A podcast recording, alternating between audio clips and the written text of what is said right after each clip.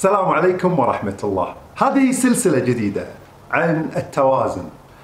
نتعلم فيها كيف نتوازن على مستوى الأفكار كيف نحصل على أفكار متوازنة كيف نعالج بعض الأفكار التي تجعلنا في ضيق وانزعاج دائمين. هناك الكثير من الدراسات وهناك الكثير من العلوم التي سنستعين فيها ونقدم هذه الحلقات. الكل يطمح أن يحصل على التوازن ليحصل على الرضا ويحصل على الطمأنينة الناتجة من التوازن. لكن هذا التوازن نحتاج أن نحصل عليه على جميع المستويات. مستوى المال مستوى علاقاتنا الاجتماعية مستوى علاقاتنا مع الله.